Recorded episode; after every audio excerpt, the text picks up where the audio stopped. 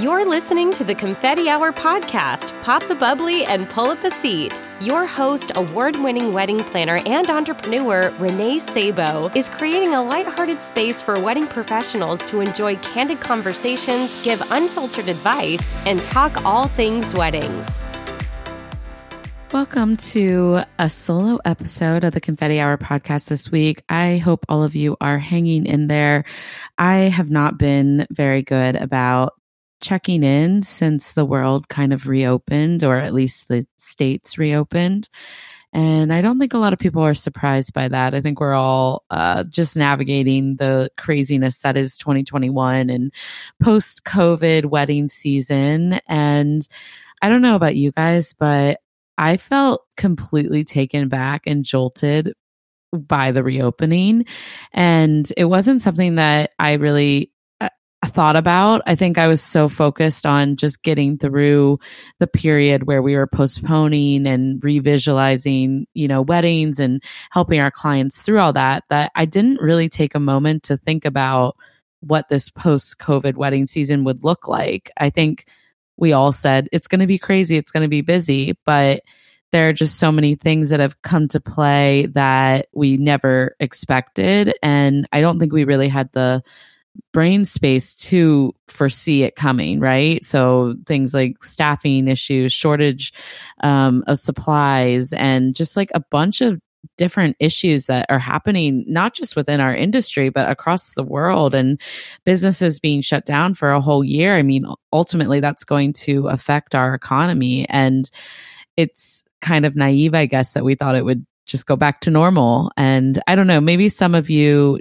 already foresaw this maybe some of you already kind of could tell this was coming, but I know for me, I was working so many hours trying to just move contracts, coordinate with vendors, uh, calm my clients, you know, nerves and concerns about COVID that I really didn't have any brain space or hours left in my week to prepare for what this year was going to look like. And then we just kind of got swept up. And it, it, to be honest, it really does feel like a storm that just keeps on raining. And uh, I don't want this episode to be a depressing check in. I just, I want to be honest about my silence and kind of where I'm experiencing issues on my end because I think that there's a lot of you that can hopefully relate. And, you know, I just said that I feel silence. I, I really do feel like this level of silence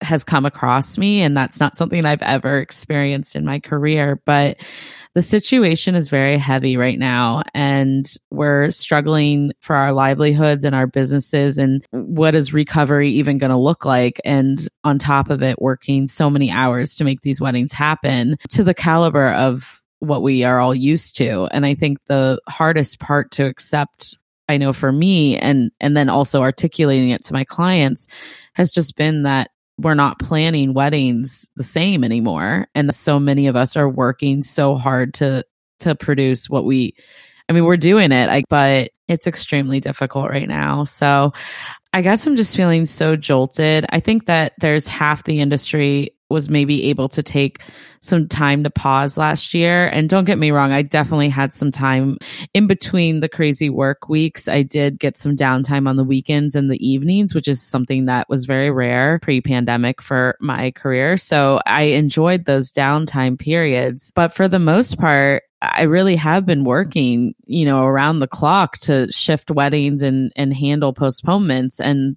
I didn't take a moment to think about how postponing was going to truly affect my business. I think that we were just trying to do the right thing. I, I really didn't want to be that one vendor in the group that was making it complicated. And of course, we talked a little bit last year about, you know, scope of project changes and things like that. And I definitely was able to charge for those types of projects that were changing, but especially the clients that were kind of right in the heat of us postponing. I mean, no one knew what was going on and we all just thought we were doing the right thing. You know, we we shifted weddings because I still believe that that was the right thing to do.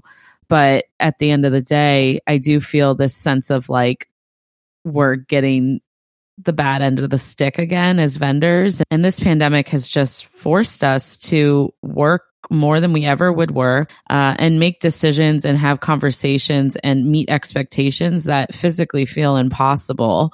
Uh, yet I know so many of us are doing it. And I'm just feeling super silenced because it's a hard spot for us to be in, right? It's it's hard for us to find the balance with explaining what's happening in the industry and how it's affecting people's celebrations.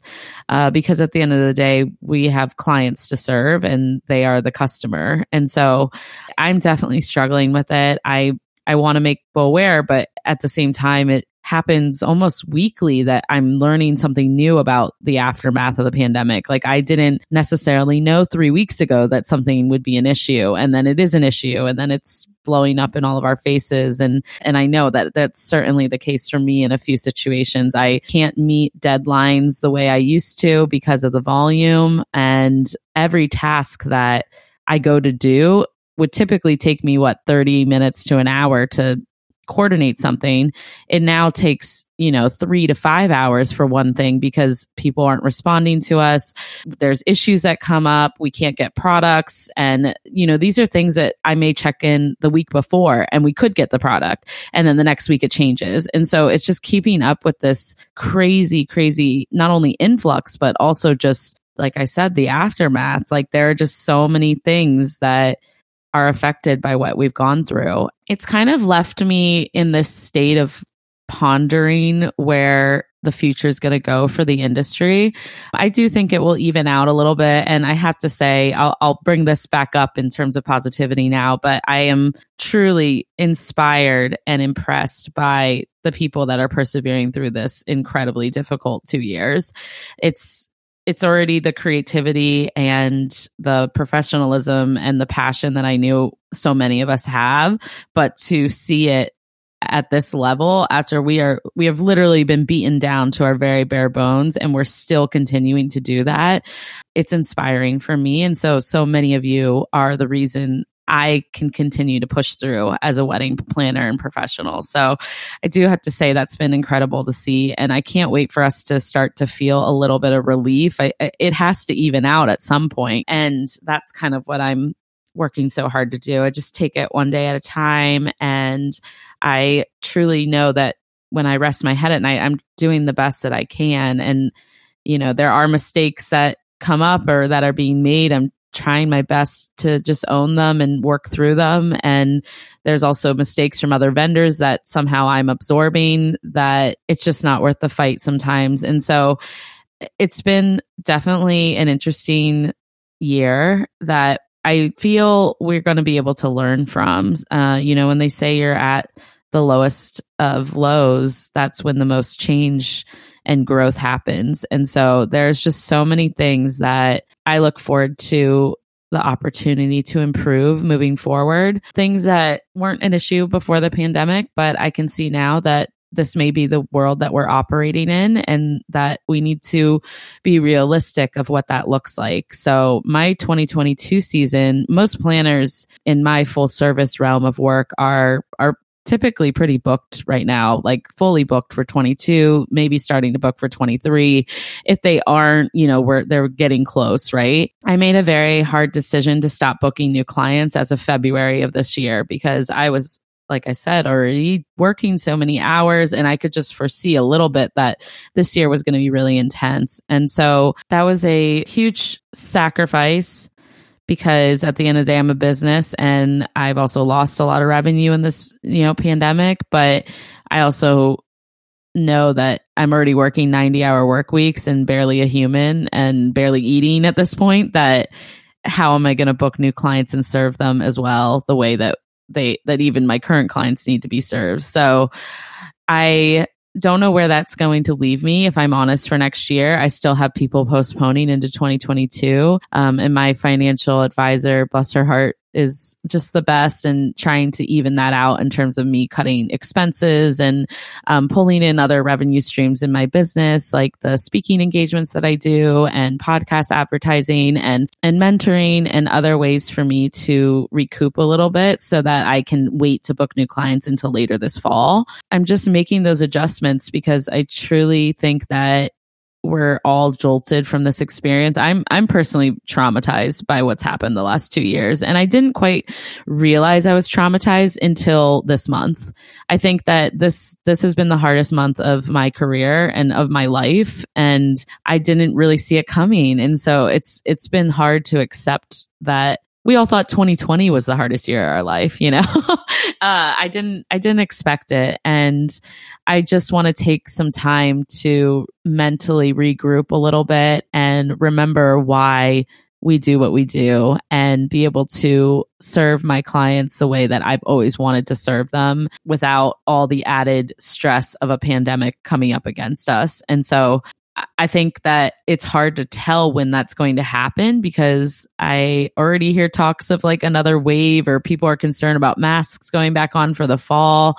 And it's hard to tell. And that's a concern for me that if I book new business, this could happen again. So lots of things rolling in my head. And I'm sure there are a hundred things rolling around in your guys' heads. And at the end of the day, we're, we're all just trying to survive. I think that we all have different responsibilities and and pressures that are are kind of happening to us and so something that has been helping me to get through this is just being very forgiving of each other because I think that when tensions are this high and we're this burnt out and we're this stressed, it's super easy for us to get frustrated with each other and even the client. That's something that I'm working hard. I'm not perfect at it but every day I'm trying to just recognize what I could do better and be a little forgiving given the circumstances. And I'm looking for, you know, team players that aren't going to give up on me, just like I'm not going to give up on them.